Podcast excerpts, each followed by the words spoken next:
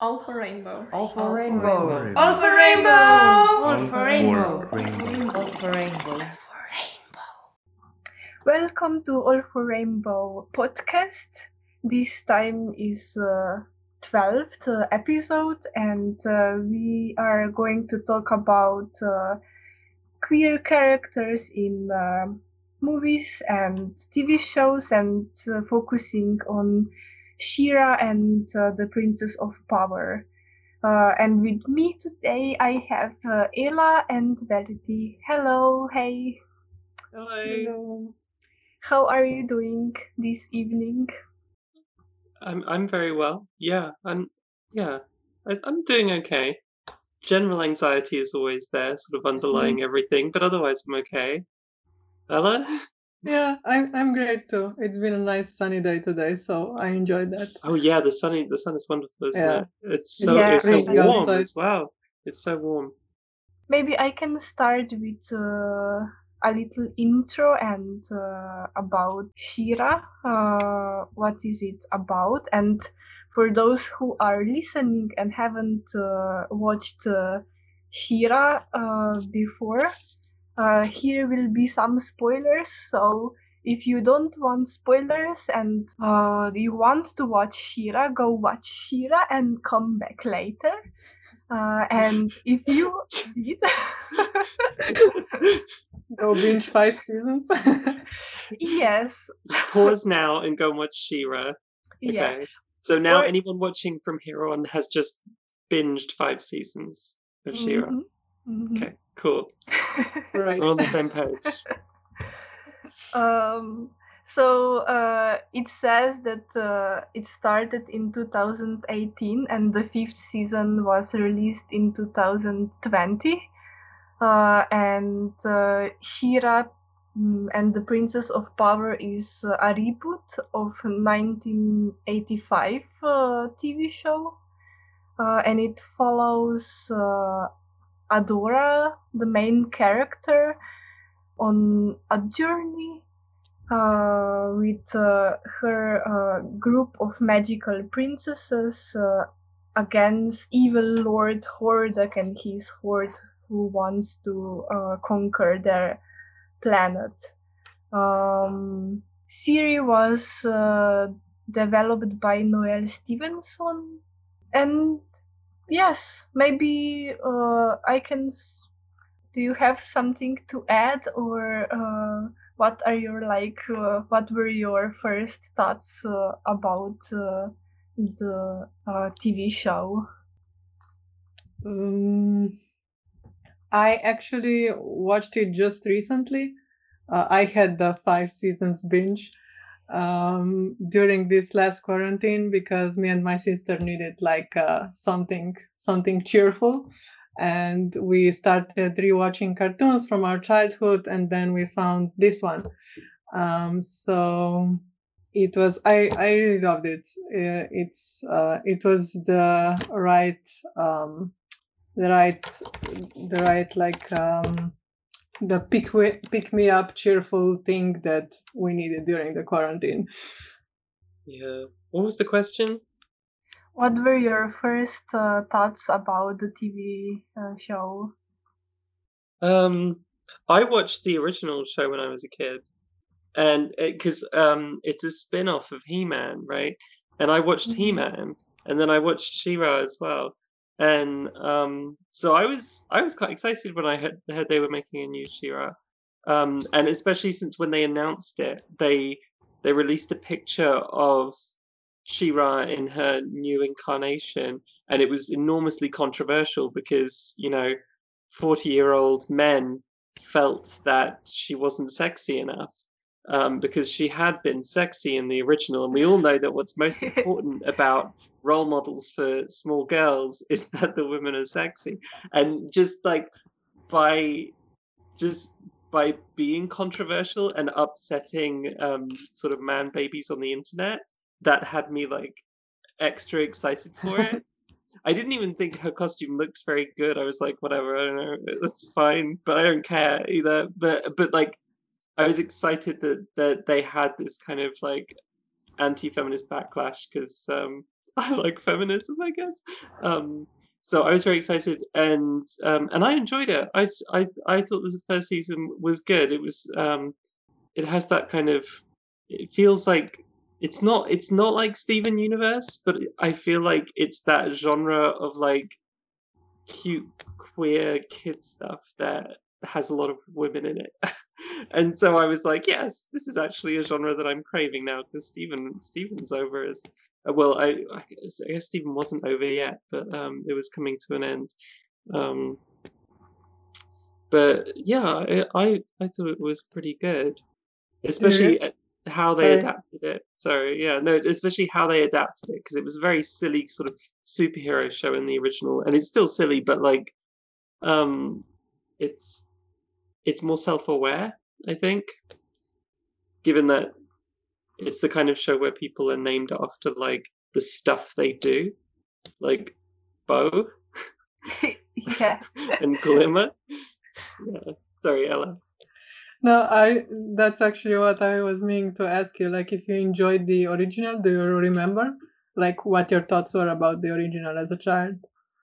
Um, I I I think I was very uncritical as a child, and I I loved everything that I watched. I like I've always been a lover of television, and when I was a kid, I, I was just completely like I, I I loved everything, and I watched everything, and yeah, I was uncritical of everything. Um, and I definitely enjoyed it as a kid, and like and watching this new version as it was like they were like revealing slowly that um slowly that's very Slovenian thing to say um they were sort of gradually revealing that um that Adora is like an orphan baby from another place and I was like I know where she's from I watched the original but yeah Nice. Uh, I um I was really curious. I didn't watch the original show, but I went to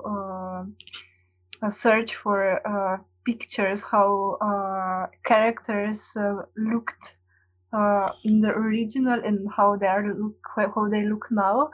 And uh, it reminded me of uh, those TV shows when like the body type of a person is the same, but they just change costumes and maybe some mm, color of uh, hair and the length of hair, uh, and yeah all is the same. Yeah, I like Yeah. Barbie. yeah they they it's funny now to look back on that because I I think over the last decade that cartoons just I mean they're just they're just better and the standards that we had in those days were were very simply like men should be big and buff and women should be skinny and dainty and we just don't have that anymore and I think the kids growing up now one of the reasons I still watch children's television at the ripe old age of 34 is I have uh, two young nephews, and there is so like some stuff like I I enjoy She-Ra in its own right, but often I'll be watching this stuff like I can show this to the kids, and this is going to be great for the kids. That's why I've watched so much My Little Pony: Friendship is Magic because when they were very small, I was like, boys. Boys, we have to sit down and watch this girls' show. It's just so you're not like prejudiced misogynists. I want you to understand girl girly stuff is cool too. And and so we would enjoy my little pony together.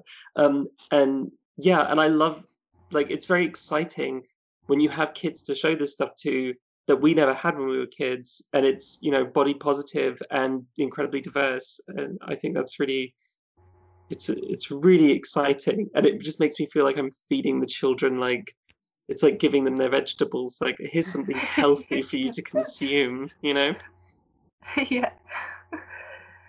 Um, do you maybe have like the favorite scene uh, from the TV show uh, that you enjoyed very much?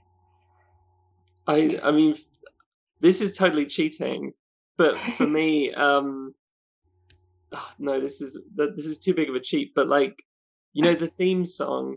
There's there's a version, there's a cover of the theme song by the actress who plays Catra, and it's the arrangement is like cool and dark and slow.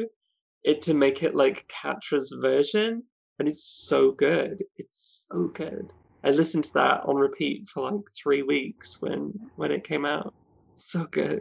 So that's cheating, but I said it.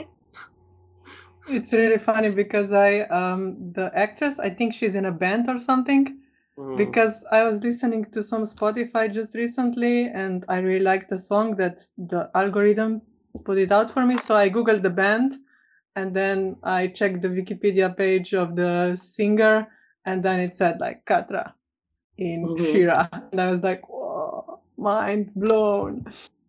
Yeah. And Mermista is from Crazy Ex-Girlfriend, right? She's Ah, I don't know if you watch Crazy Ex-Girlfriend. She she's the the neighbor, um, the depressed one. What's her name? Oh God. I don't know what her name is, but the sort of depressed neighbor. She sounds exactly the same. She plays the exact same character in Crazy Ex-Girlfriend. Like it's just Mermista. It's that like same energy. Yeah. mm, I love the um I love this scene, the tiny scene that's like just in the last episode, the one that's like the flash forward one. Um, I don't know if you remember, it was really short, but it was like I think it was Adora imagining how the future will be.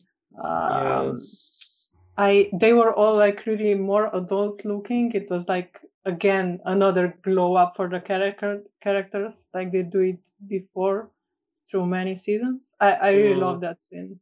It was like showing them all grown up and how they will be all right. Yeah, I yeah, I wish I want to see that. I I want to I want them to do another episode where it's just them hanging out, being happy, like, and there's no problems and everything's fine, and they all have nice haircuts and clothes. Yeah. Um, That that could be that tiny scene could be like an entire episode and that would be the Mm. perfect feel good Yeah. episode. yeah. Maya, do you have a favorite? mm. I I really liked uh, like it was also short scene, but when uh, Adora uh, went to um, Glimmer's uh, room and uh, he uh, they they had this uh, bed uh, in the air and Adora was having trouble uh, climbing up. Uh, so this was my one of my favorite scenes, uh, but mo- mostly because I really like uh, draw um, rooms and how they would look like for me and have this um, fantasy to have uh, a bed somewhere in the middle of the room uh, in the like upper part Mhm. what about uh, the costumes there are a lot of like diverse costumes uh, characters have uh, Yeah, that that that reminds me of a, a, favorite scene. I think it's in season two or something where um they're all camping out somewhere because they're trying to like um storm a castle or something to take over uh, uh, rescue some people or something and everyone keeps imagining their own version of how things would go and when Bow imagines how he thinks things are going to go everyone is wearing their costumes from the 80s version of She-Ra. And it's hilarious and adorable. i- uh, In the original, it was very much like everyone's wearing a superhero costume instead of just clothes. I mean, I, I guess it, it feels a little bit like that in the new version too. Like, what the fuck is Bow wearing? What the fuck is Bow wearing? I don't know what that is. I don't know what, what why does he have a heart on his chest? What's it for? What is it? And on his boots? Like, is it an insignia? You'd think his name was like Heart Man or something. What is that? Yeah, th- that's true. I, I also thought that it w- will have like a um, bigger meaning of the hearts uh, represented. Yeah, Um, it's just from the original show because he had it. Yeah, mm, it's cute. I'm I'm perfectly happy with it. It's just funny. I love a crop top for him though. Like it it's uh it's different than the usually you have the revealing clothes reserved for the female characters, but here Mhm. he is wearing a like a crop top. hmm And actually, one of Bow's dads, he dresses the same way that Bow dressed in the 80s cartoon. Like it's the exact same outfit, and it's like he has the little mustache as well. Like same like haircut and mustache and, and clothes, except he's black. Like that's the only difference. Like otherwise, that's just they took the original Bow and they made him the new Bow's dad. That's Nice. fun. That's fun. Um, I also remembered now when uh, they all go to um, a ballroom of, uh, where Frosta is throwing this party for princesses. Mhm. Uh, and uh, first, uh, Bow has these uh, clothes uh, really different from what uh, he usually wears, and then he rips them, and uh, he again has this crop. Um, but this was also um, nice to see. Yeah, it's a recurring theme, I think, that Bow just has to have his belly out, which is very nice. Yeah, uh, I yeah, I, I'm hoping that fashion will come back. I think men should wear crop tops more often. Verity, you mentioned uh, also Bow's dad, and um, there are also other queer characters uh, like Adora and Catra, and uh, um, I mm, didn't notice at first, but uh, I saw that uh, Scorpia also has uh, two mothers, but they are just shown in one picture uh, in her room um, and Double Trouble, um, and um, Netossa and uh, Spinnerella. Spinnerella, yes. hmm Um, what do you think about like queer representation uh, in this TV show? About representation, um, it's it's lovely. It's very um, I mean, it's what it's what you want for kids, really. I think to watch. Like, um, there's no there's no homophobia, there's no transphobia, and there's no identity politics, and there's no reason ever for anyone to come out. And I think that's it's really lovely. There's I feel like there's not much to, to say about it for the most part. Like, um, sort of anyone could be. I don't know. I mean, I guess it's to my mind, it feels very bisexual in that, like, I still, I think, uh, I think a lot of people now headcanon like She-Ra or Adora and Catra as lesbians because they're sort of the OTP. They're the only ones for one another.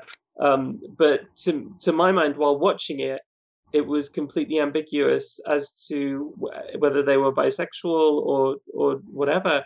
Um, and that's how all the characters felt. I felt that way about Steven Universe as well, which is really nice to just have that that feeling of openness there, it, there's not much to criticize for the most uh, not that not that you're asking me to criticize but like um I the because the only thing obviously I think the reason you asked me on the podcast is because I made a video about double trouble because double trouble is the only thing where you can really um label someone explicitly because double trouble is very distinctly non-binary and it's sort of it's baked into the character uh, their non-binariness um, because of their pronouns, but also sort of their nature and how how they their, their sort of gender expression as well, um, which uh, pr- proves to be just a bit tricky because that suddenly becomes the only sort of explicit representation of a very particular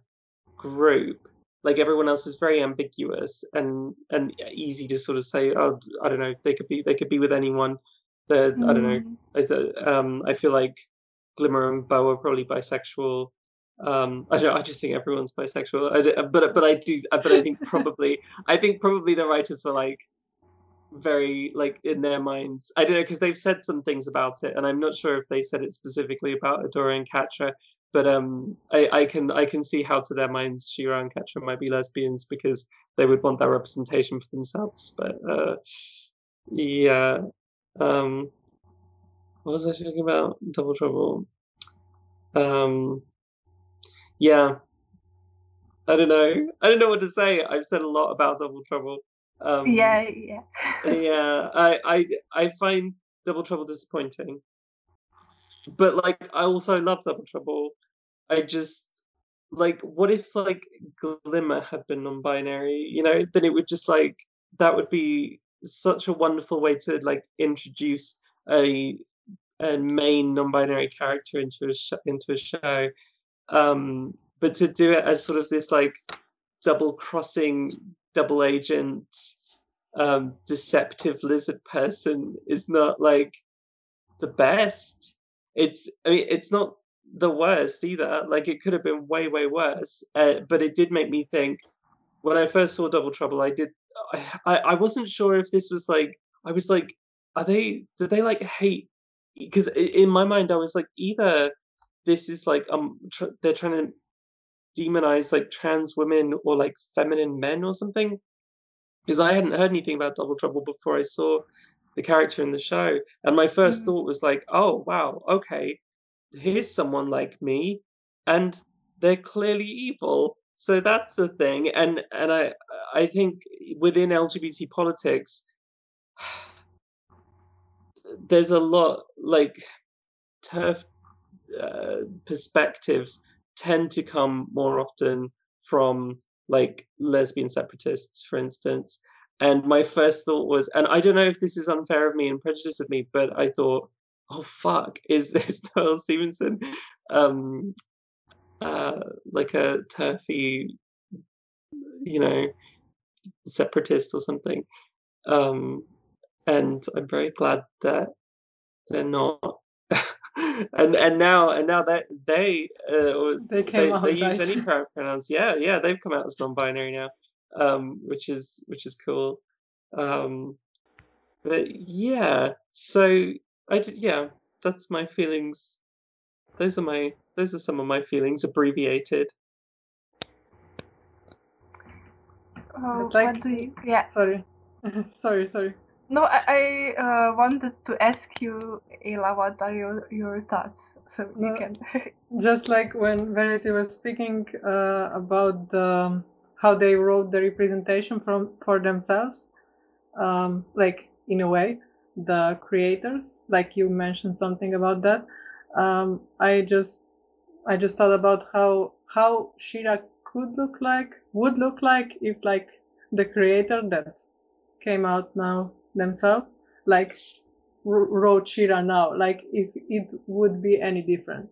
That was just like a thought that now I had, like if that probably would change because I know I listened to a few of the interviews and like recent interviews after they came out and they were saying stuff about how they felt um, really um, uncomfortable feeling like they had to present feminine because it's She-Ra and the princesses of power like Mhm. while promoting the show and that that was something that they struggled with uh, like during the course this show ran so like it would be interesting i think like this is this becomes like the whole discourse discourse about how queer writers create queer characters but like that's just a thought Yeah. Um yeah. And you know I, I read an interview with Noelle Stevenson um where they were saying that when they had conceived like She-Ra and Catra's romance, like it was it was it was in the show from the beginning, um, but they needed approval from Netflix to do it. So it wasn't until they got to season five where when Noelle had to sort of go in and pitch it and say, okay, and it, and I think it helped that there was already like a huge LGBT following by that point. So they got to say, okay, like this is this is what we want to do. Um, it makes sense for the show. We have a lot of support um, from the fandom with this. Um, can we please do this? And apparently Netflix was just like, yeah, okay, that's fine. And that must have been very scary. I, I'm reading that. I actually got tear, teary eyed because that kind of stuff is still groundbreaking at the moment, and it's the first time meetings like that are happening um, in sort of television studios where the the big bosses are just saying, yeah, go for it. We're not going to censor that. And yeah, I mean, because really, She-Ra isn't. You can have a lot of background characters be be more explicitly LGBT. Um, but when it comes to Glimmer and Bow and She and Adora, it was very ambiguous up until that last moment if any of them were part of the community, as it were. Yeah, th- th- this was for me. Uh, I think when I started watching it, I thought that maybe uh, some uh, hints will happen uh, earlier uh, and uh, not just uh, in like everything in the last uh, episode. Also for Glimmer and Bow, I picture them more as really like best friends and was surprised at the end that they are also together. Um, Well, yeah, but they that was ambiguous too, though, right? Because when Yeah. they said they said I love you, and then he kissed her on the forehead, and like that was as far as it went. I think like they, I feel like they did that on purpose because I think they knew that some fans would want them to be a couple and some wouldn't. So I think they've made it adequately ambiguous that if you want them to be a couple, then they are, and if you don't, then they're not. Then they're just best gay friends. They're uh they're gay lesbian solidarity, if you want.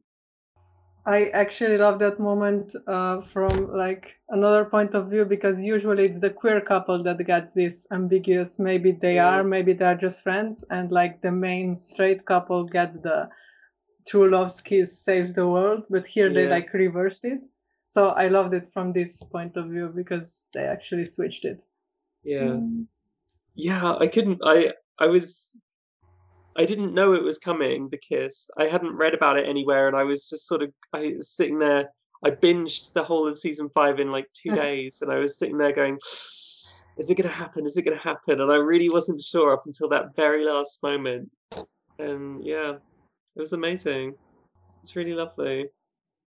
Um, I uh, also recently um, read some comments uh, about Scorpia and Perfuma that some Yes. fans, uh, I don't know, I, I forgot a bit if uh, at the end they are also together somehow, or is this just like fans uh, shipping them together? What do you think? I think I think it's a pretty it's pretty explicit that they that there's like flirtation happening and they have a crush on each other. I think they don't end up explicitly as a couple, but um, because it's not as important to the plot. But um, I I think the writers very much wanted us to think that Perfuma and and Scorpia were going to be a couple. I I read that um, Perfuma on the point of representation. Um, apparently the the artist who designed the character, um, they said on Tumblr, or they had a, have a Tumblr. They said on Tumblr that when they designed Perfuma, they in their mind Perfuma was a trans woman. And and you can kind of Perfuma's taller than everyone else, you so you can totally see it. Um, and they said that had they known that would be possible to portray Perfuma that way in at all, they would have said something, but they didn't. So like it never was implied or suggested or made canon in any way because like when they started season one, there was just no idea that that was going to be something that that was possible for them to do. Um, so yeah, there, there's all these little bits of information around the internet where different creators who worked on the show have said, I think Bow's bisexual. Oh well, I I tried to make Perfuma trans and stuff like that. It's it's interesting. It's it, that metatextual experience of like having the author. It's I mean, it's kind of like J.K. Rowling and Dumbledore, I guess, um, being like after the fact, being like, oh yeah, he was gay all along. Couldn't you tell? Um, but I, it, it's more wholesome, I think, because um, it's like queer creators who are just like, yeah, to my mind, this is what they were for sure, and it, that's more much more believable to me than than J.K. Rowling thinking Dumbledore was gay all along. Huh. Um, is there like, do you think is that there is ideal uh, queer character, or uh, what do you think the ideal queer character would look like? Um, a mess, in, in my opinion. I, I, I, I mean, for me personally, I want, I prefer characters who are messy as fuck and imperfect and complicated. Um, which, which I guess all of the characters in She-Ra could be described that way. Mhm. I think um, no one is really perfect and everyone's a little bit messed up, right? Um, no Yeah, one like- is representation for the sake of representation. like not one dimensional that that would be the Yeah. first like the first on the checklist which they aren't like none of the characters i mean at least the main ones the ones that are fleshed out because of the time they get pretty fleshed out like no one is black or white Yeah, I yeah, I don't think there is an ideal queer character. I think I I think the goal really is just to have many queer characters and have them be as diverse as possible. And uh, and I don't just mean that in the sense of sort of like things like uh, orientation and race and body type, but um, but also just personality type. A lot of different. Sometimes you do. Sometimes you. I mean, I love I love bisexual evil bisexuals. I love them. I love evil bisexuals i on TV and in film, and like unfortunately, in cinema and TV history, bisexual evil bisexuals sort of were the norm. So it's it, it has a problematic history, but they're great, and I and I I think it would be great to to be at a point where we can have like evil trans characters without it being problematic because we're scared about representation. It, it's it's so sad that we can't just have good stories without having to have anxiety about whether or not the character is good enough. And yeah, I I, I hate representation. Well, I, I just don't really enjoy representation that's supposed to be um, respectable. I guess I felt I feel that way about Supergirl. There's a trans character in Supergirl, and she's very sort of cookie cutter, just sort of nice trans girl, and it's a bit, it's just boring. And I appreciate that it's good for people to see, like that kind of nice two dimensional trans character, so they can understand like this is how you be nice to a trans person. Um, but she's also boring, and that's boring to watch.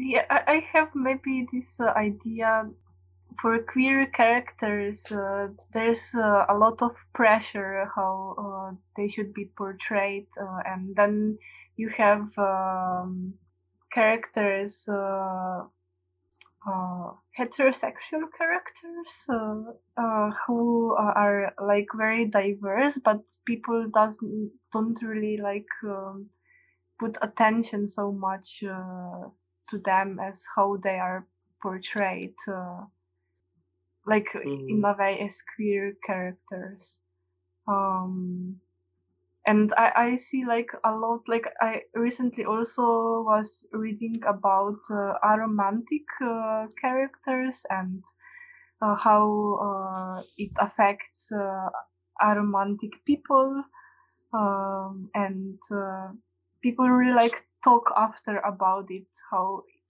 some por- portrayals of characters influence their lives or in that sense Yeah. I think often LGBT characters or sort of minority characters often they their minority status is symbolic. So you get like a fat character and the fat character will represent like greed or laziness or something. So like their fatness isn't they're not just a fat person, they're a gross person or whatever. And with an aromantic or asexual person, that might be like uh, I think inf- infantilizing it might it might symbolize that they're sort of childlike or innocent or maybe that they're creepy in some way or something like that and and speaking for bisexual representation often bisexuality has represented um sort of that double-sided like being a double agent being a liar being a cheater um and also sort of straddling straddling two worlds or being sort of like out counterculture, being outside of society, which is something that I see in Double Trouble as well. This like it's very obvious that Double Trouble being non-binary is, is like part of that is a symbol for the fact that they are a double agent and you never know whose team they're on. They Mm. they literally they they start on cat on like Hordak's team, they move to the good side, then they end up on Horde Prime's whatever his whatever his name is, his team, but then he leaves because he gets bored, or they they leave because they get bored, and that's and that's it. And then and then I guess at the end they're on the good side again. Yeah, Yeah. I don't know, and that's it for their characterization. They don't have any friends or, or loved ones. Is there like a difference when with characters you see on TV shows and films and the ones uh, from books? that kind of symbolic sort of representation. I think I think uh, t- TV and and um, it's a very visual medium, so I think you're more likely to have a character sort of um, as sort of a shorthand for understanding their characterization.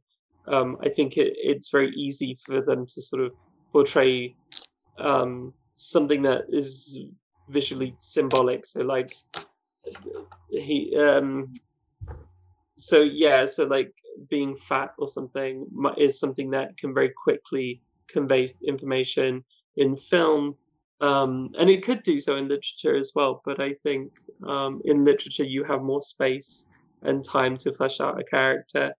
Um, and it's i think it's a problem with tv and film that like the, the new movie the witches uh, based on the Roald Dahl book um, to make the witches monstrous, they they gave all the witches only three fingers instead of five, and a lot of people are really upset about that because there is a condition people are born with where they only have three fingers, or there's probably various conditions um, where people only have three fingers, and a lot of children just grow up with a three-fingered hand, and now all their classmates are watching a movie where that is a symbol of being an evil monster who like eats children or whatever um or kills children.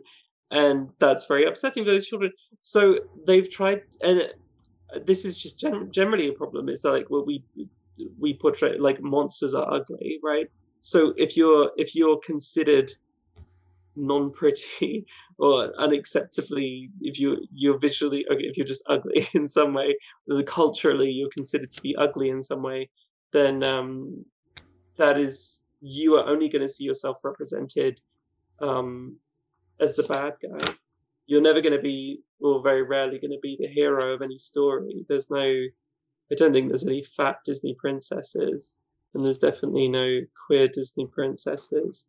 For sure it feels like um I, I when characters are sort of queer coded implied to be queer in some way in disney films you know they tend to be the villain. I think that things are changing slowly in disney films now. I mean they're trying to get woke a tiny tiny step at a time um just enough to get your money but not enough to upset like their right-wing viewers A hundred million moms, or what? What's this American Right. group that's Yeah. that?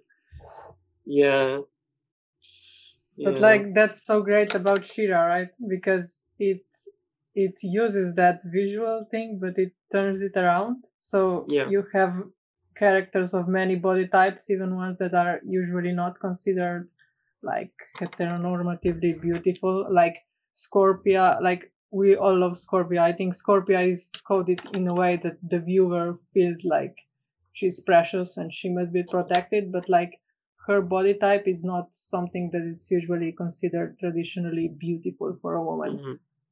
or Yeah. like many other characters. So I think that's why She-Ra feels so great to so many queer people because it turns that trope around.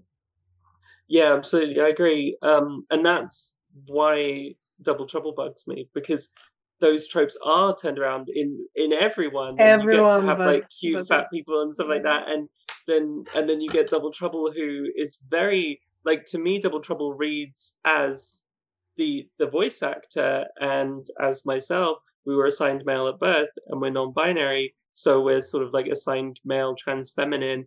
And I think Double Trouble feels like sort of trans feminine character. And yeah, and it's just so it uh, so weird and unfortunate. Um, and I'm sure there wasn't at this point. I don't think there was any malice on the part of the creators when they designed Double Trouble that way. But um, it it does yeah it's disappointing in the context of such a great show being so good and making such a great effort with representation and doing it so well in such a fun way that it's not condescending and not two dimensional or one dimensional or whatever. Do you have like your favorite uh, queer character from films and TV shows? In Star Trek in the 90s, there was a character um, in Star Trek Deep Space Nine called Jadzia Dax, and she was an alien who used basically she used to be a man, and before that she was a woman, and before that she was a man, and so on and so forth for like nine generations. Like, um, and because she's uh, she her life has like transcended gender she's also explicitly portrayed as bisexual um, and with in regards to transness though i don't think they were making any effort to be like good representation but because she's such a great character and because she does she just is kind of trans um trans trans people love her um and she's just turned out and the actress has said now 25 years later she's like um she now gets contacted all the time by by trans people saying like oh my god uh, your character like inspired me to transition. It's so wonderful. And and she's really proud to have been part of that. Um and i think back at the time it was one of those sort of first gay on screen kisses on television. So it was like 96 or something. Yeah so she's proven over the like almost three decades to to have been like this wonderful representation which also just was not trying to be good representation. She was just a crazy awesome character. Um and i love that. Um i also really like john constantine from legends of tomorrow. He's like a alcoholic bisexual wizard he's and a mess. he's a mess and i love it. Like it's so good because i'm also an alcoholic bisexual um like it it's just it's so refreshing it's just so refreshing to um to see a character get to be like a total mess like that. It just feels so real. I love it. Yeah. Oh you, had so so you had like two two great um bisexual characters and now i feel like a bad bisexual because i don't think i'm trying to remember but i think like my all-time favorite is cosima from orphan black I don't know if you know it, but yep, yep. I, am pretty sure she's a lesbian. Um, yep. So now I feel her like girlfriend's a bisexual. bisexual. Yeah, though her girlfriend is a badass and bisexual. Um, but like I, I probably just love that show so much, and she's the main queer character. Uh, she's like this. Um, she's a clone, like it's a show about clones. Spoiler. Uh, and she's one of the clones who is researching her own genes, so her own biology and the way she and her other clones work. Um, so I kind of love that whole concept of a character like she's a scientist, but her own research subject is like herself. She also has like one of her cl- other clones is in the end a trans man. So it's really it's really great how they um, how they included queer characters in this whole world. Um, it's it's uh, interesting. Um, it raises up this interesting question about uh, like predetermined sexuality or, and gender, or something you are born with. I I really like, like the way they handled the queer characters in the show generally. Uh, I uh, like from Euphoria uh, TV show, uh, Jules. Uh, I really like uh, her character, uh, and um, I would also maybe uh, consider her somewhere like a somewhat mess, if you can say this, um, because um, she's a trans uh, teenager and uh, go, goes into different relationships and uh, uh, not relationships and despite uh, uh, the personality i really like her choice of clothes so the glitter. yeah and the colors and uh, different uh, um, color of the hair uh, um, ah and i forgot the english word uh, um, those just small parts of hair you put in your hair Like Oh. ponytails or something. Like streaks of color. yeah Uh, I don't know if that's the word. Oh, like yeah. Like I don't. I don't know what you call it because they're not highlights, are they? They're like yeah yeah no. colorful highlights. I don't know. Yeah. okay um do you maybe have uh, anything more to add to uh, She-Ra, uh, the TV show, or should I uh, continue with my super funny questions? I I have like one. to. That, Sorry. go on. There you go. Just uh, honorable mention of Swiftwind. Um, I think we forgot the rainbow unicorn Mhm. in the queer show. Yeah. um, yeah, I, I kind of loved this. Uh, I don't know, it, it felt like a additional treat to the queer audience. I don't know if it's in the original too. I don't. I yeah. don't know. Yes. Is yeah. Oh my god. Yeah. Yeah. You should you should try watching like an episode of the original just because it's so weird now. Like to go back now and watch it is just bizarre. And pick like a random episode in the middle. Don't watch the first one because it's all about her brother, He Man. Ah, okay. um which is apparently they're doing a he-man show now on netflix but it's i think it's not going to be shared with she-ra's universe but like i want it to be so bad i wanted to i want her to come and visit he-man but um i don't think it's going to be.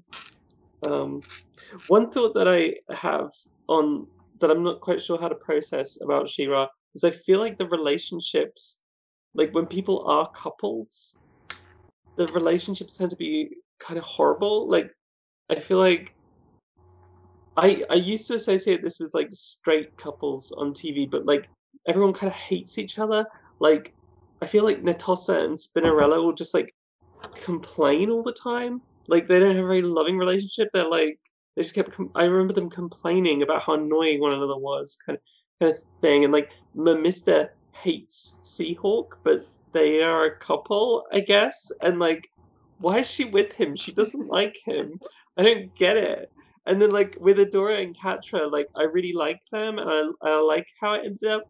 But she kept being like, "You idiot," and I'm like, "Don't call Adora an idiot, Catra. Please stop calling her. This is not healthy. It just bugs me, and I don't like. I think, I guess it must be representative in some way of the writers' own perspectives on relationships. But I, I don't get it personally because if my partner was calling me an idiot all the time, I'd be like, "Fuck off."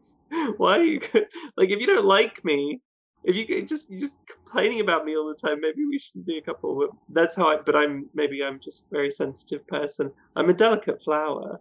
I'm a delicate flower. Yeah, but maybe like um because usually like especially with girls I think that happens um like if if in kindergarten a boy is like really making fun of a girl, usually a thing that often happens is like the teacher says, Yeah, he's only doing that because he likes you. Maybe so maybe that's like a valid concern for a kids show, like to even further along this uh It's This it's topical. yeah. the children's very relatable.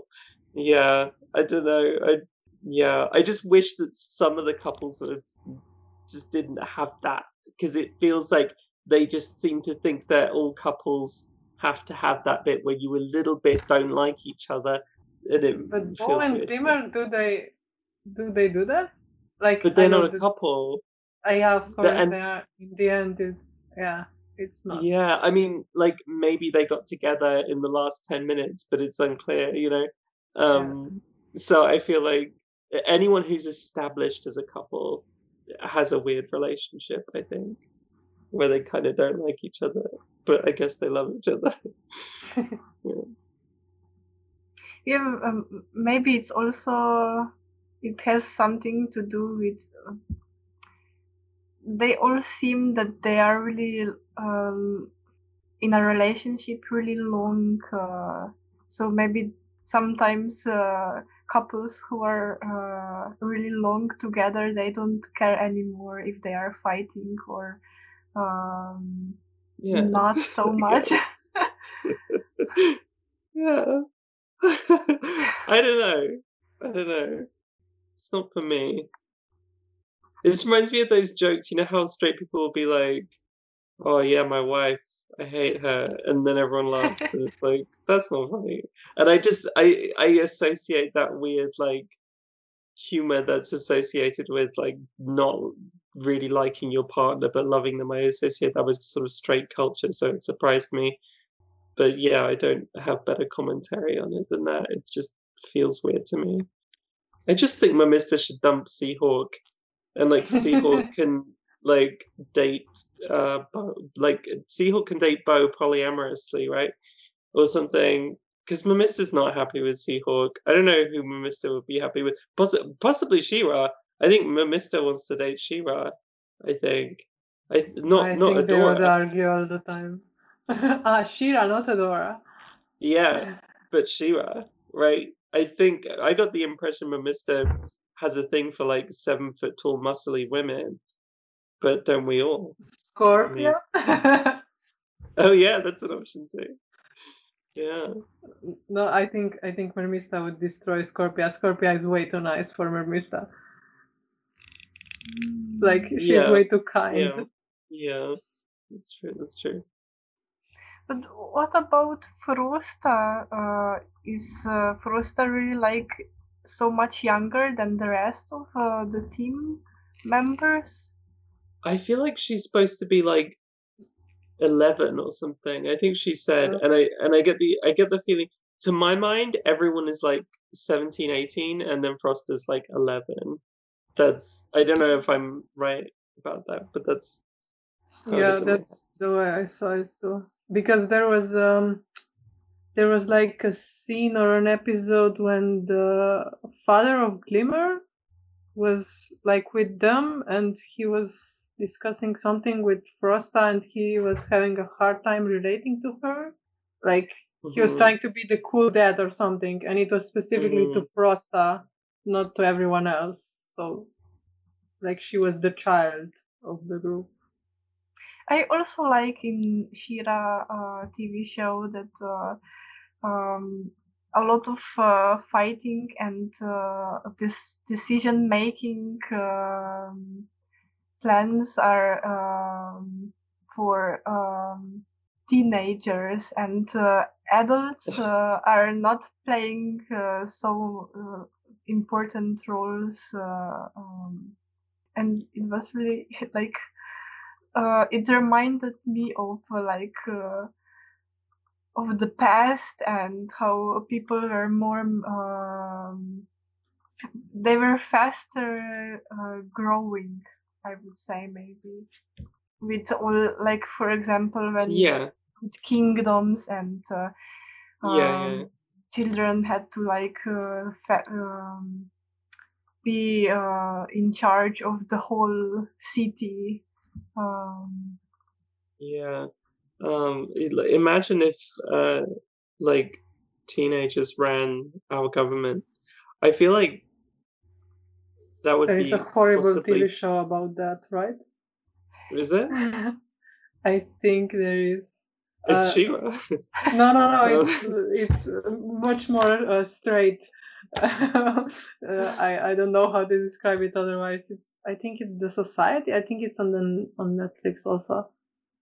Like Well, I, I- I did not watch it, but I think that's the premise. Premise like the teenagers ruling the government or something. Well, just thinking about it just now, I'm like, I feel like judging by the politics of like modern teenagers, like compare that to Janez Janša and Donald Trump, and like, Yeah. I I think I would I would prefer teenagers. I think She-Ra is a good um, example by which we should govern, by which we should govern ourselves. I'm up for it. Gen Z save us all.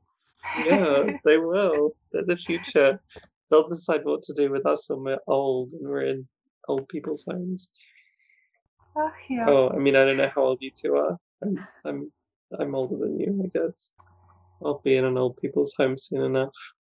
If global warming does not um, take us first. Yeah. Well, I, I think, think global warming will just change things, and we won't all die, but things will be terrible. But we'll be alive to for water. experience. We'll just be swimming. Like the old people's home will be underwater, but otherwise, I think we'll be there and alive. Okay. Um, I have uh, two more questions. Uh, one is, uh, what would your name be if you were a character in She-Ra universe? Have you thought about it? I've thought about it. My name, well, okay, my I was gonna make a joke and say my name would be Triple Trouble or something. right? But doesn't that make you think about like uh, Double Trouble? Why is Double Trouble named Double Trouble? Is everyone in Double Trouble's species and society are they all named? Are they like single trouble, double trouble, triple trouble, ninety nine trouble, but a bitch ain't one? Like how many how many troubles? Like and then do they run out of troubles? I don't know. Is everyone is everyone's name like based on um how much trouble they get into how useful they are to society it's Hmm. fascinating i just i want i want to know more about double trouble and where they come from anyway yeah that's my name Triple trouble.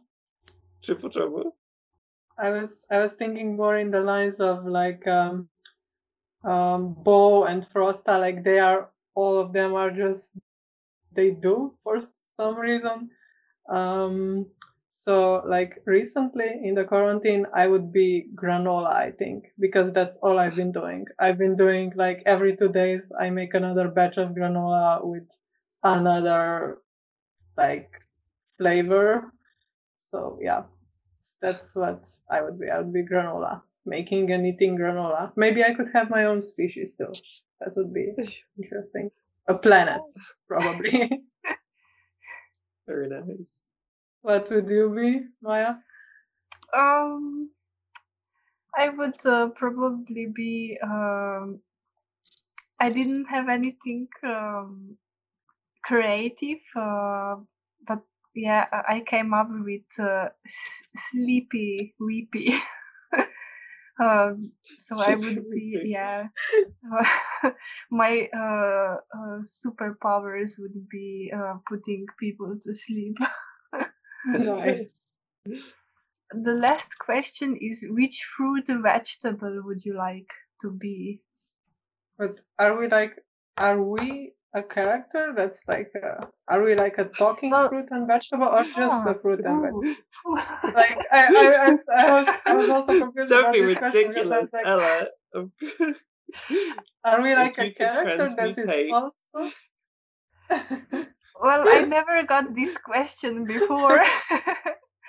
um, so you can choose. You can be like uh, a fruit or vegetable that you like to eat, or the one, the talking fruit or vegetable. Okay, I'm still into the cartoons universe.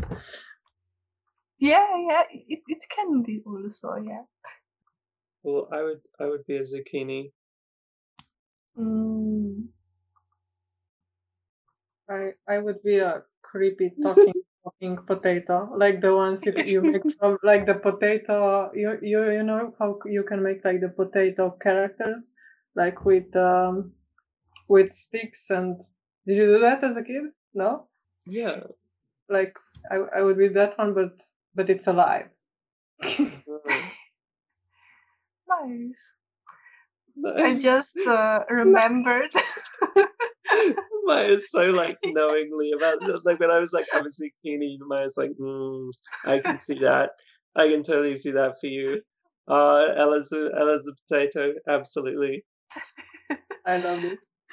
yeah, I, I got a lot of associations uh, from um, from the cartoons I watched uh, as a child and in primary school with these um, creepy uh, characters. Uh, yeah, I, I won't go much into it because um, I would be um, two cherries holding together or with uh, a green leaf. nice. I can So see when- that you Yeah, Very specific. I imagine myself uh, rolling in the wind, doing uh, circles. Very peaceful. Mm, Zen. cool. Then we came to um the end of uh, our uh, episode. Uh, do you maybe have something uh, like your last words to our listeners?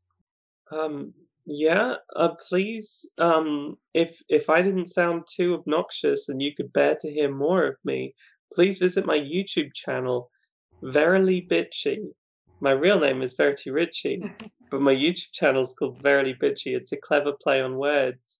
Please search for it and um, watch my videos. Thank you. Bye. Yay! Nice. Were you guys gonna say goodbye or anything else? uh, uh, I'm gonna say, please, uh, universe, give us more diverse queer characters, please, and thank you. Goodbye. Yes, clap to this. Bye. And all the rainbows. All for rainbow. All for rainbow. rainbow. All for rainbow. All All for for rainbow. rainbow. All for rainbow.